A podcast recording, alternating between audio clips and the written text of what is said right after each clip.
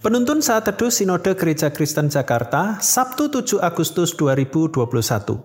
Kerjasama Allah dan saya. Filipi pasal 2 ayat 12 sampai 13. Hai saudara-saudaraku yang kekasih, kamu senantiasa taat karena itu tetaplah kerjakan keselamatanmu dengan takut dan gentar. Bukan saja seperti waktu aku masih hadir, tetapi terlebih pula sekarang waktu aku tidak hadir. Karena Allah lah yang mengerjakan di dalam kamu, baik kemauan maupun pekerjaan menurut kerelaannya.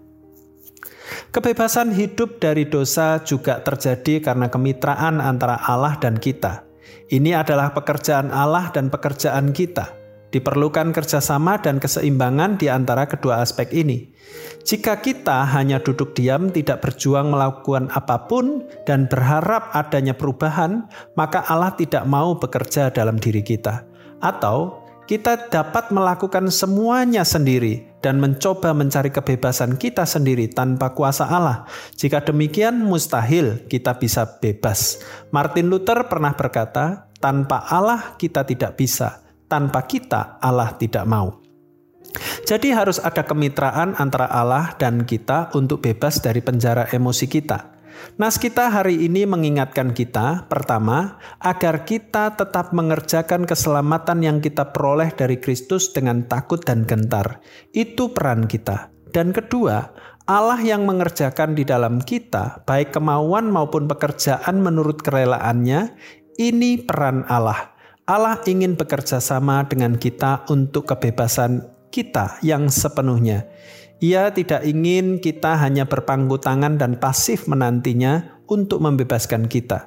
Kata tetaplah kerjakan keselamatanmu diterjemahkan oleh Selabir sebagai mengamalkan hal-hal yang benar sebagai orang-orang yang sudah diselamatkan.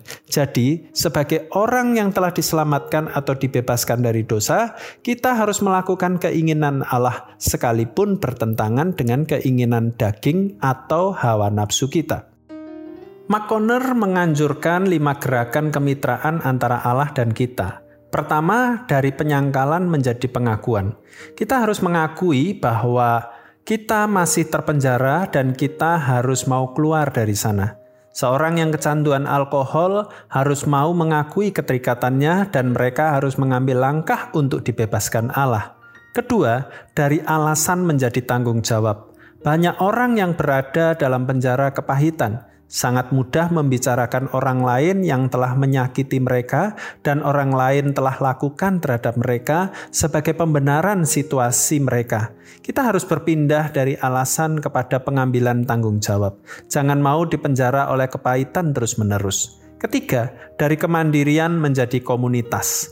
Banyak hal kita tidak bisa lakukan sendiri. Kita perlu orang lain yang bersedia mendukung kita keluar dari penjara emosi kita. Keempat, dari kepuasan menjadi keputusasaan. Kepuasan sering membuat orang yang telah dibebaskan merasa nyaman di dalam penjara.